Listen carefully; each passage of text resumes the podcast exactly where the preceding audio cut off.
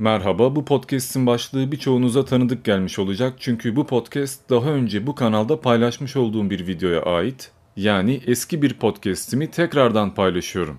Çünkü bu podcast niyeyse Facebook'ta, Twitter'da ve başka başka sosyal platformlarda engellenmiş, linki bloke edilmiş, bu yüzden de aylardır birçok kişiye ulaşamamış, yani ziyan olmuş.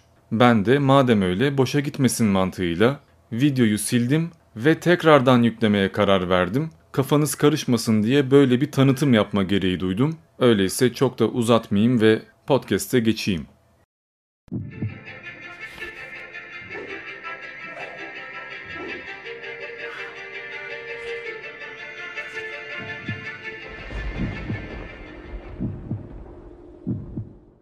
Dördüncü Diyokest'e hoş geldiniz. Bu seferki konumuz kutsalıma saygı göster konusu yani inanmıyorsan da saygı duy muhabbeti.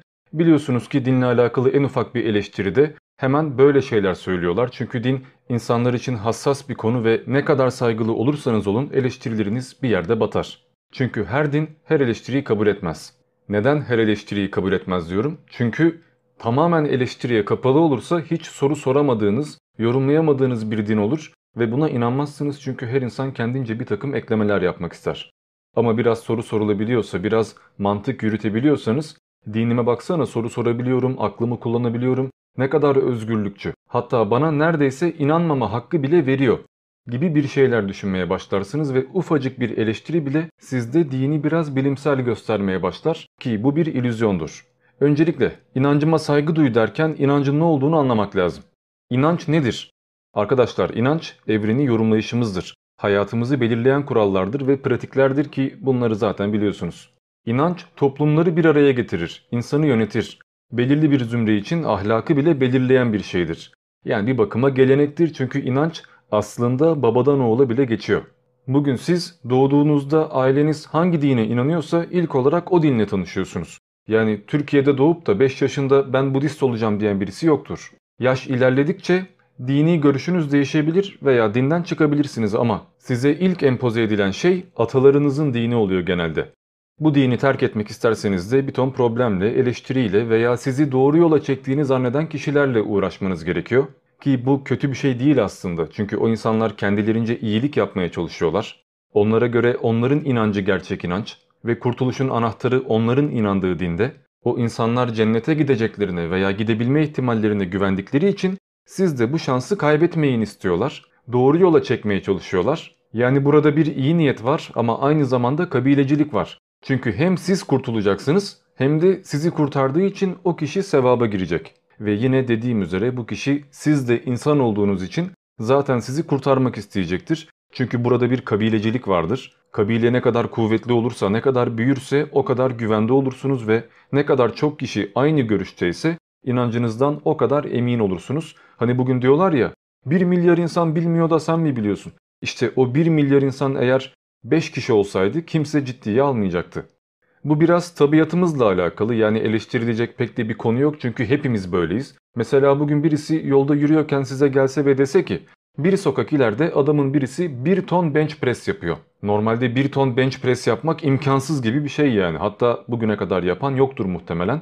Ama eğer 20 kişi gelip bunu söylerse, herkes ben gördüm adam kaldırıyor aşırı iri yarı falan filan derse inanma ihtimaliniz artmaya başlar. Çünkü biz bir şeye inanacağımız zaman bazı etkenler var. Mesela kaç kişi inanıyor veya inandıkları şey benim bildiklerimle ne kadar uyumlu?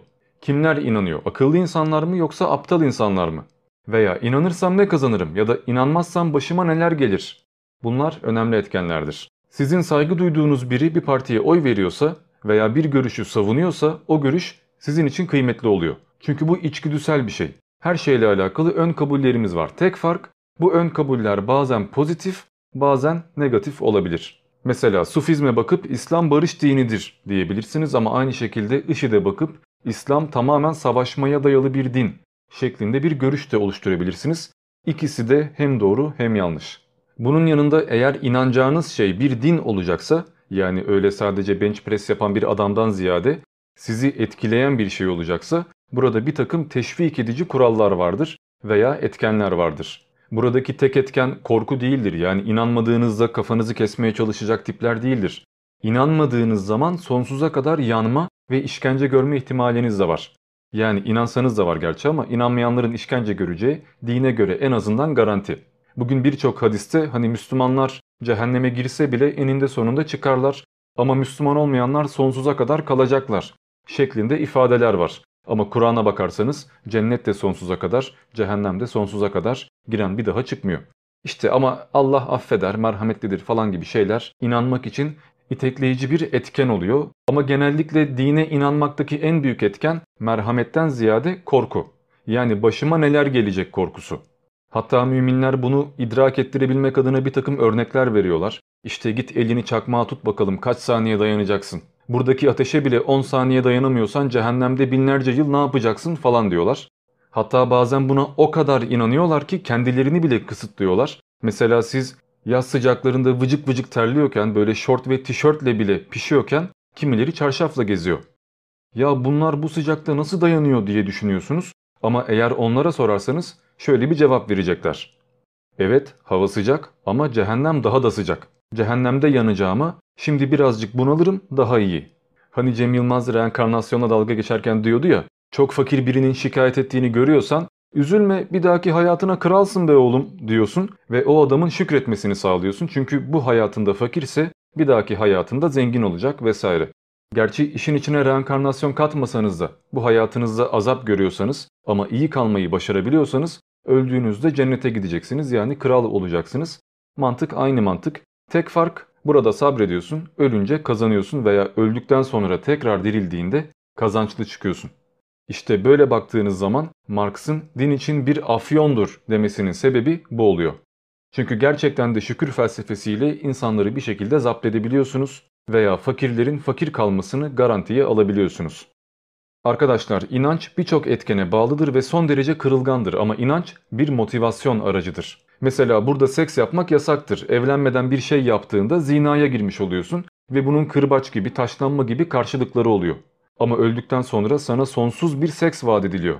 Veya İslam'a göre burada içki içmek yasaktır. Yani haram diyenler var ama Kur'an'da haram geçmiyor, necis geçiyor. Yani pistir diyor. Faydası vardır ama zararı daha fazladır diyor. Fakat biz haram diye kabul ettik. İçki burada haramdır, yasaktır, problemli bir olaydır. Ama öldükten sonra ırmaklarından şaraplar akan, her tarafta içki bulunan bir ortama gidiyorsunuz. Tabii ki o şaraplar içinde tatlı su falan diyenler var, kıvırdıkça kıvıranlar var. Ama kutsal kitapta eğer bu hayatta bir şey yasaklanıyorsa diğer hayatta garanti edildiğini görüyorsunuz. Ki bu biraz problemli bir konu. Mesela ben sadistim, insanlara acı vermekten hoşlanıyorum, insanlara işkence çektirmeyi seviyorum ama bunu insanların rızasıyla yapıyorum. Yani kimseye zorla bir şey yapmıyorum. Benim karşımdakiler de mazoşist, gel beni döv diyorlar. Bu durumda ben çok iyi bir insansam, öldüğümde cennete gidiyorsam, sürekli işkence etmek istiyorsam, zevk aldığım şey buysa etme şansım var mıdır? İşte bu gibi konularda farklı açıklamalar getiriyorlar. Kutsal kitapta yazmayan şeyleri söylüyorlar. Mesela sen cennete girdiğinde sendeki bu kıskançlık gibi, nefs gibi bazı olaylar alınacak, sadece zevk olacak. Ki bu robot olmaktan pek de farklı değil. Ama konuyu çok fazla dağıtmak istemiyorum çünkü burada inancıma saygı göster olayı var. Ben de inanç nedir, neye dayanıyor veya saygı nedir ya da her inanca saygı göstermeli miyiz? Bunun gibi olaylara değinmek istiyorum. Tabii ki bunu yapmadan önce biraz bazı şeylere de değinmek gerekiyor. Bu verdiğim örnekler gibi birçok örnek verebilirim ama zannederim gerek yoktur. Zaten ana fikri hemen anlayacağınızı düşünüyorum. Arkadaşlar inanç bir içgüdüdür ama inancı kutsallaştırırsanız bu bir anayasaya dönüşür. Yani kurallar bütünü olur. Her anayasa içinde bir takım maddeler barındırdığı için inanç toplumsal bir sistem haline gelir ve problemler de burada ortaya çıkar zaten. Çünkü bu yasalara, bu sisteme saygı duymak zorunda kalırsınız. Peki saygı ne? Niçin saygı duyuyoruz? Mesela bugün kimlere saygı gösteriyoruz? Biraz da bunlara bakmak lazım. Örneğin anne babanıza saygı gösteriyor musunuz? Onlara karşı saygı duyuyor musunuz? Eğer onlara bir saygınız varsa sizi büyüttükleri için, size baktıkları için veya onlardan geldiğiniz için saygı duyuyorsunuzdur. Ama anne babanız sizi dilendirse veya böbreğinizi satsa, sabah akşam size vursa, aşağılasa bu durumda saygı gösterir miydiniz? Göstermezdiniz ama korkardınız. Ya da belki ileride iyi davranır diyerek bu ihtimale güvenerek onların gözüne girmeye çalışırdınız. Öğretmeninize saygı gösteriyor musunuz? Eğer çok iyi bir öğretmense, sizle ilgileniyorsa saygı duyma ihtimaliniz var. Ama çekilmez ve dogmatik bir adamsa, kötü biri ise saygı duymazsınız. Fark ettiyseniz şimdiye kadar saygıyı genellikle davranışlarla kısıtladım. Size şunu yaparsa saygı duyarsınız, yapmazsa duymazsınız dedim. Ama bazen karşınızdaki kişi çok kötü veya çekilmez bir tip olsa bile ona saygı duyma ihtimaliniz var. Örneğin öğretmen çok katı ve adaletsiz olabilir ama aşırı bilgilidir ve işinde mükemmeldir. Adam gerçekten bir dehadır, süper zekadır. Bu adama sırf yeteneğinden dolayı bile saygı duyulabilir. Kötü biri ama işinin ehli. Yani yiğidi öldür, hakkını yeme. Bu durumda saygınız öğretmeni değil, öğretmenin bir özelliğine ait oluyor. Mesela Atatürk'e saygı duyuyor musunuz? Eğer duyuyorsanız vatanı kurtardığından, kadınlara seçme seçilme hakkı verdiğinden, döneminin çok ilerisinde biri olduğundan ve burada sayamayacağım kadar çok etkenden dolayı adama saygı duyuyorsunuzdur.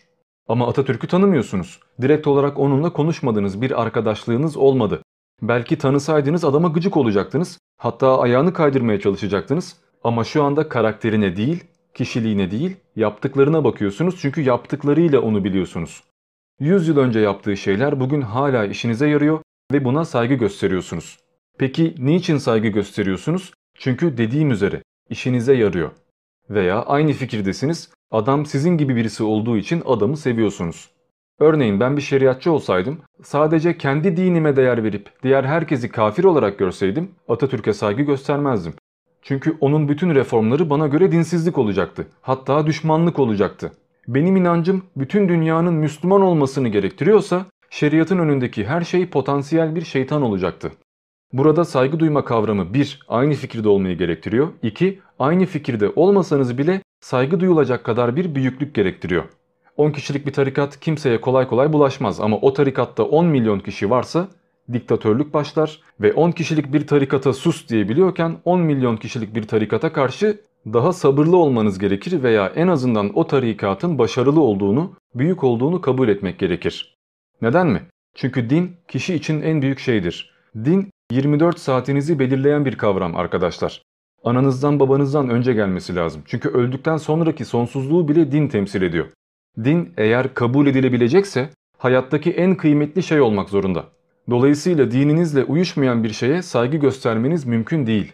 Bakın siz burada toplam 70 yıl falan yaşıyorsunuz. Hadi 10 yıl çocuktunuz saymayın. Kafanız çalışmıyordu. Kaldı 60. E günde 8 saat uyusanız 20 yıl uyuduğunuz anlamına geliyor. Kaldı 40.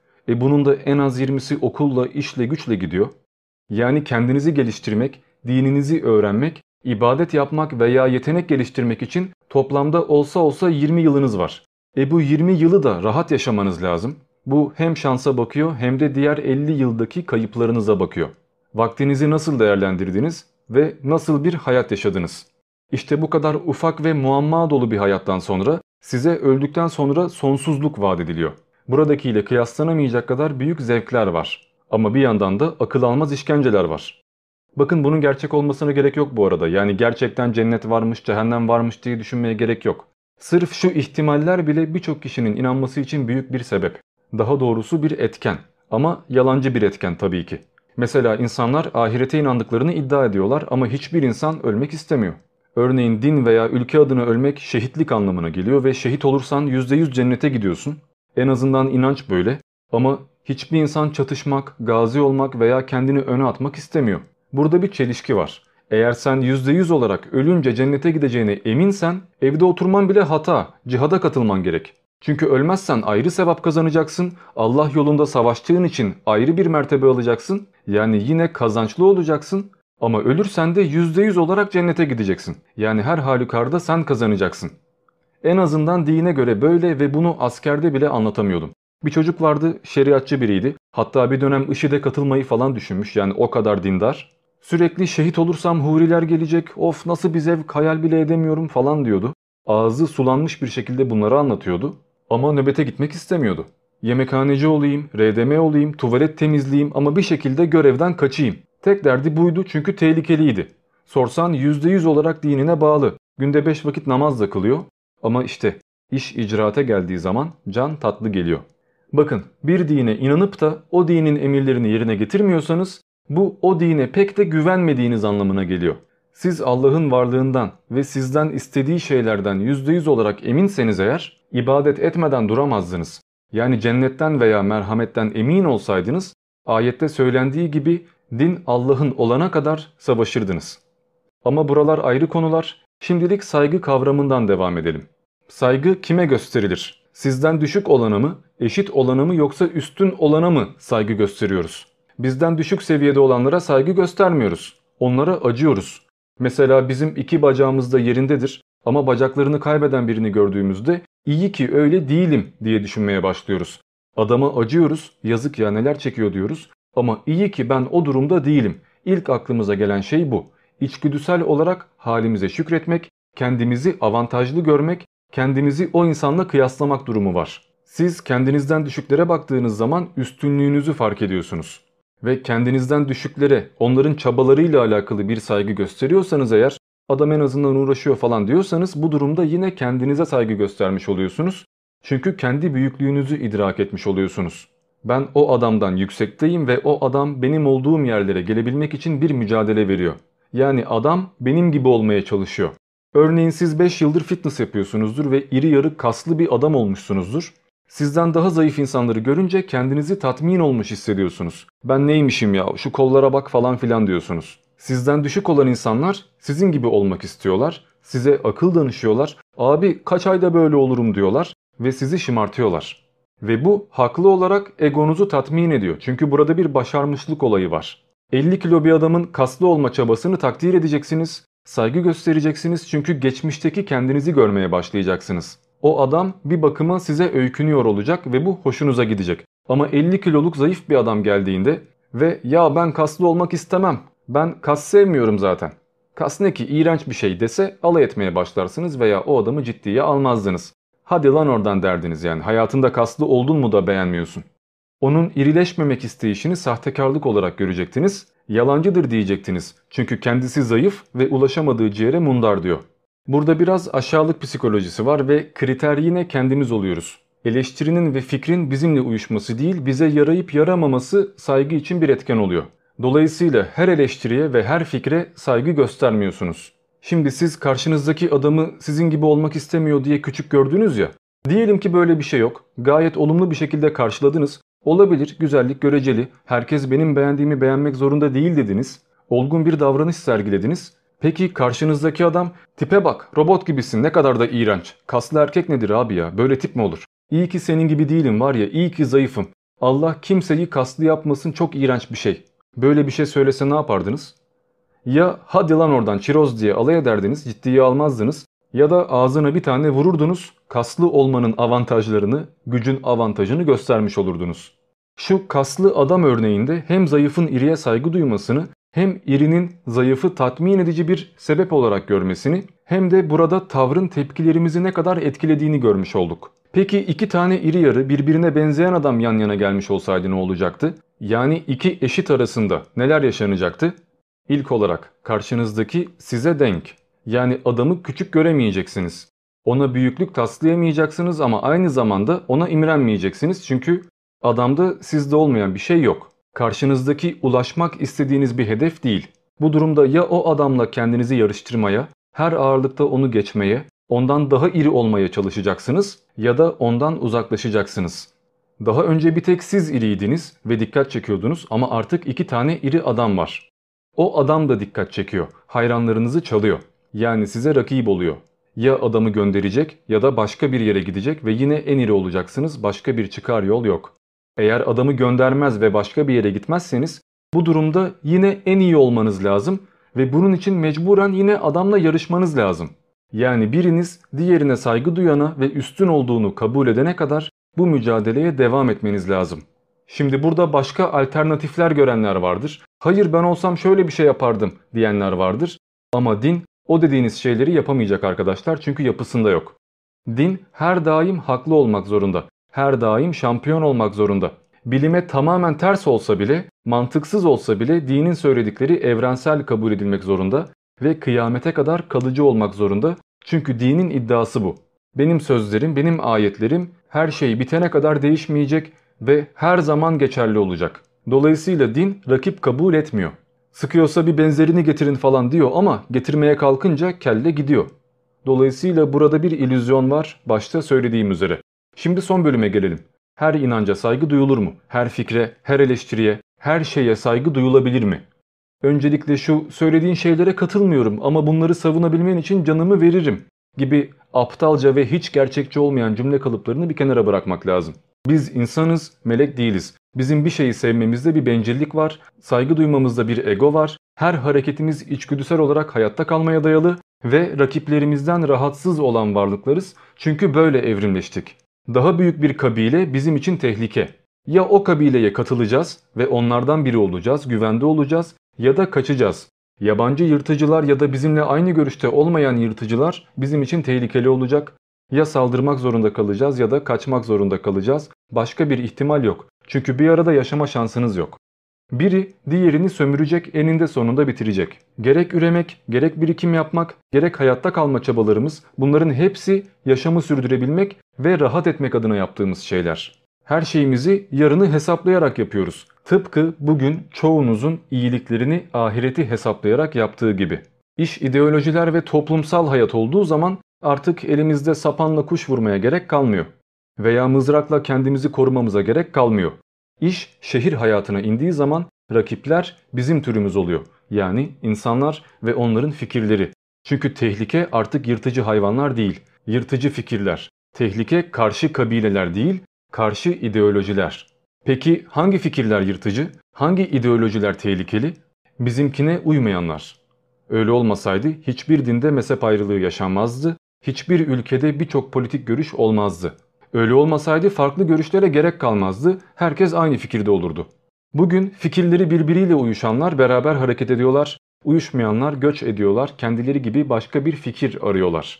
Bugün nüfusunuz kalabalık olursa ve topraklarınıza sığamazsanız ya başka ülkeleri fethediyorsunuz ya da nüfus kontrolüne gidiyorsunuz ve üremeyi engellemeye başlıyorsunuz. Bugün bütün ülkelerin, bütün toplumların sistemlerinde, ahlak kurallarında ve anayasalarında bir takım kırmızı çizgiler var. Ki bunların çoğu ortak. Bunları bozanlara cezalar veriliyor. Mesela birlikte yaşamak ve huzur bulmak adına hırsızlığı yasaklıyoruz. Cinayeti yasaklıyoruz veya birisi cinayet işlediği zaman bunun bir geri dönüşü bir cezası oluyor. Bu ilk defa 10 emirle ortaya çıkmadı. Dünyanın her yerinde vardı zaten. Otoritenizi korumak adına yapmanız gereken bir şeyler var. Toplumu ayakta tutmak adına yapılması gerekenler var. Ve bunlar yapılmazsa yaşanacak bazı şeyler var. Peki eğer bu savaş, bu cinayet, bu hırsızlıklar inançlar arasında yaşanırsa, yani fikirden fikre bu mücadeleyi yaşamaya başlarsak, bugün bir din başka bir dinin tahtını sallıyor. Çünkü birisi dinden çıkınca ya başka bir dine gidiyor ya da komple dinsiz oluyor. Başka bir dine giderse o dinin yani rakip dinin elini güçlendirmiş oluyor. Dolayısıyla dinler dinden çıkmayı affedilmeyecek bir ceza olarak görüyorlar. Mürtet ediyorlar sizi veya ellerine geçerse öldürmeye kadar gidebiliyorlar. Bugün bir görüş diğer görüşü eritiyor. Bugün çok kaslı bir din mahalle abisi gibi rahat rahat yaşarken ve hoşgörü edebiyatı yaparken kendine denk bir din gördüğünde onunla yarışmak zorunda kalıyor. İşte buna dinler savaşı diyoruz. Din kendinden küçük balıkları yutmak zorunda. Yani diğer dinleri değiştirmek zorunda, onları bünyesine katmak zorunda. Mesela Budizm Sufizme dönüşmek zorunda. Panteizm vahdeti vücuda, panenteizm de vahdeti şuhuda dönüşmek zorunda. Çünkü herkes dinden kendine göre bir şey anlıyor ve din değiştikçe, toplum değiştikçe anlayışlar da değişiyor. Ama din kendinden büyük bir din gördüğünde benim dinim bana seninki sana diyor. Bana bulaşma ben kendi halimde takılayım diyor. Gerekirse bölgeyi terk ediyor. Hicret yapıyor. Din tam olarak insan gibi davranıyor çünkü dini insanlar yaşıyor. Din insana hitap ettiği için insan gibi bir karaktere sahip ve Tanrı da insana benziyor zaten. Ama dinin büyük olması onun kaliteli olduğu anlamına gelmiyor. Mesela ben bugün gelsem ve size ana avrat küfür etsem, her türlü eziyeti yapsam ve sonra bana saygı duyun desem duyar mıydınız? Bugün İslam'a veya başka bir dine saygı gösterilmesini bekleyenler aynı şekilde saygı gösteriyorlar mı? Bugün İslam veya Müslümanlar inanmayanlar için cehennemlik, kafir, babaları şeytan olan tipler diyorsa, bugün İslam Müslümanlar için temiz, diğerleri için kirli diyorsa veya bugün bir mümin kendini hidayete ermiş ama diğerlerini yoldan sapmış görüyorsa buna saygı duyulabilir mi? İnsanları ayrıştıran, sınıflandıran, kendi hariç her inancı bozuk, değişmiş, tahrif edilmiş, yanlış ve sapkın gören bir din ne kadar saygı görebilir? Saygı gösterilmeye ne kadar layıktır? Ya da böyle bir dine kimler saygı gösterir? Ancak ve ancak o dinin karakterinde olan insanlar. Yani o dini kendine yakıştıran veya o dini işine göre kullanabilen kimseler. Mesela 4 tane kadın almak istiyorsunuz bir tane yetmiyor ve birden fazla kadın almanıza izin veren bir din işinize geliyor. Tabii ki böyle bir dini savunmanız gerekiyor. Bugün birisi sırf mini etek giydi diye bir kadına tecavüz etse veya sırf gücü yetiyor diye kendinden küçükleri dövse, herkesin işine karışsa, küfretse bu adamın hoşgörülü olduğunu söyleyebilir miydiniz? Eğer bu adamı dövme şansınız varsa ağzını burnunu dağıtırdınız, kovardınız, mahallenizde böyle birine yer vermezdiniz ama eğer bunu yapacak gücünüz yoksa kendiniz mahalleyi terk etmek zorunda kalırdınız. Öbür türlüsü korkudan saygı duymak olurdu. Öbür türlüsü başka bir çare olmadığı için o adamla aynı yerde yaşamaya devam etmek olurdu. Yani katlanmak olurdu. Bugün birisi dinden çıktığında ona kitapsız, ahlaksız, şerefsiz, namussuz deniliyor. Madem ateist oldun karını sat, ananla yat, sen her şeyi yaparsın diyorlar. Bugün bir insan dine inanmadığında o dinin Allah'ı bile tehditler savuruyor. Cehennemde yakacağım diyor bir sürü şey söylüyor. O dine inananlar size aklı kıt, hidayete ermemiş engelli gözüyle bakıyorlar. E böyle bir dine inanmayan bir insanın saygı göstermesine gerek var mı? Size küfreden, aşağılayan, eksik gören, yoldan sapmış gören bir dine niçin saygı gösterirsiniz ki? Bakın insanların inanma hakkına saygı duyulabilir ama inandıklarına duyulmaz. Sizin inanıyor olmanız, inanmak istemeniz bu sineye çekilebilecek bir şey. Ama inancınız başka insanları kısıtlıyorsa, onlar üzerinde bir otorite kurmaya çalışıyorsa burada saygı göstermeye değer bir şey yoktur. Mesela oruç tutabilirsiniz. En doğal hakkınız. İsteyen istediği gibi ibadet eder. Ama bana oruç tutturmaya kalkarsanız problem yaşarız. Ya da ben oruç tutuyorum sen niye yemek yiyorsun diye yolda bana saldırırsanız burada saygı gösterilecek bir şey yok. Ben sizin oruç tutmanıza saygı gösteriyorum ve ağzınıza zorla yemek sokmaya çalışmıyorum. Orucunuzu bozmaya çalışmıyorum. İbadetinizi sabote etmiyorum. Ama siz ben tutmuyorum diye oruç tutmama hakkımı sabote ediyorsunuz. Yemek yeme diyorsunuz. Dışarıda bir şeyler içme diyorsunuz ve işi kavgaya çeviriyorsunuz. İnancınız, kutsalınız siz ve Allah arasında kaldığı sürece satanizme bile saygı gösterilebilir. Ama bizim inancımıza veya inanmama hakkımıza saldırıldığı anda bu savunmaya döner. Bugün dinime saygı göster diyen adamlar başkalarının dinine saygı gösteriyor mu? Mesela Hristiyanlığa bozulmuş bir din derlerken, Hristiyanları sapkın diye adlandırırken saygısızlık etmiş olmuyorlar mı? Bakın öyle inanabilirler ama karşındaki adama sen şusun busun dediğin anda bu tahrike giriyor, sataşmaya giriyor, hatta küfretmeye giriyor. Bugün bir imam gidip de sataniste saygı gösteriyor mu? O da senin hakkın, öyle inan diyebiliyor mu? Demiyor. Eğer satanistin de inancına saygı gösterilmiyorsa burada çifte standart var demektir. Bugün satanistlere kedi kesiyor diyenler binlerce yıldır kendi inançları için kurban kesiyorlar. Kurbanın haklı olmasının gerekçesi etin yenmesi mi? Gerçekte satanizmde kedi kesmek diye bir şey yok orası ayrı ama kedi kesenler eğer o kediyi çevirip yeselerdi laf etmeyecek miydik? Veya ben şu an Dioizm diye bir din kursam ve bu dinde her yıl 10 tane başka dinden bir adama saldırmak gerekse yani benim ibadetim her yıl 10 tane başka dinden birini dövmek olsa, ben bu 10 kişiyi gasp etsem, bıçaklasam, hatta onların kadınlarına tecavüz etsem ve bu da benim ibadet anlayışım olsa, sonra da hey benim inancım bu, inancıma karışmayın, inanmıyorsanız da saygı gösterin desem bu adaletli olur muydu? Ya da mantıklı olur muydu? Cevap belli. Şimdi siz iyi de biz böyle şeyler yapmıyoruz ki diyebilirsiniz ama Tanrınız yapıyor. Size güç verirlerse, şeriat gelirse kafa kesmek gibi birçok şey yapacağınız garanti ama size bu güç verilmese de iddianıza göre Tanrınız zaten biz ölünce bize bunun bin katını yapacak. Çünkü bizi şeytan tarafından saptırılan yanlış yola girmiş kişiler olarak görüyor ve bizi sonsuza kadar cehennemde yakmakla tehdit ediyor. Bu konular uzar gider ama burada saygının karşılıklı olduğunu anlamak gerek. Bugün beni yoldan sapmış, sonsuza kadar yanmayı hak eden şeytana uymuş biri olarak gören bir insana veya onun inancına bir gram bile saygı göstermem. Eğer gösterirsem bu benim hoşgörülü biri olduğumu değil, enayi olduğumu gösterir. Bana iyi davranan, efendi olan birine karşı ben de öyle davranırım. Bana nasıl davranılıyorsa aynı şekilde karşılık veririm. Bana saldıran birine karşı ben de saldırgan olurum. Burada dine değil, tutuma saygı gösteririm. Din saygıyı hak etmiyor arkadaşlar. İnsanlar saygıyı hak ediyorlar. İnanca saygı duyulmaz ama inanma hakkına saygı duyulabilir. Tıpkı inanmama hakkına da saygı duyulması gerektiği gibi. Ben bugün milletin başörtüsünü yırtmıyorsam, kimsenin camisini bombalamıyorsam veya zorla ağzına oruçluyken yemek sokmuyorsam bu zaten inancınıza saygı gösterdiğim anlamına geliyor. Her neyse benzer şeyleri konuşuyoruz ve zaten zannediyorum şimdiye kadar konuştuğum şeyler bu konuyla alakalı yeterince açıklayıcı olmuştur. Örnekler çoğaltılabilir. Hepinizin bunlarla alakalı bazı fikirleri vardır ama fazla uzatmaya gerek yok. Şimdilik bu kadar. Ben Diamond, diğer Diokestlerde görüşmek üzere.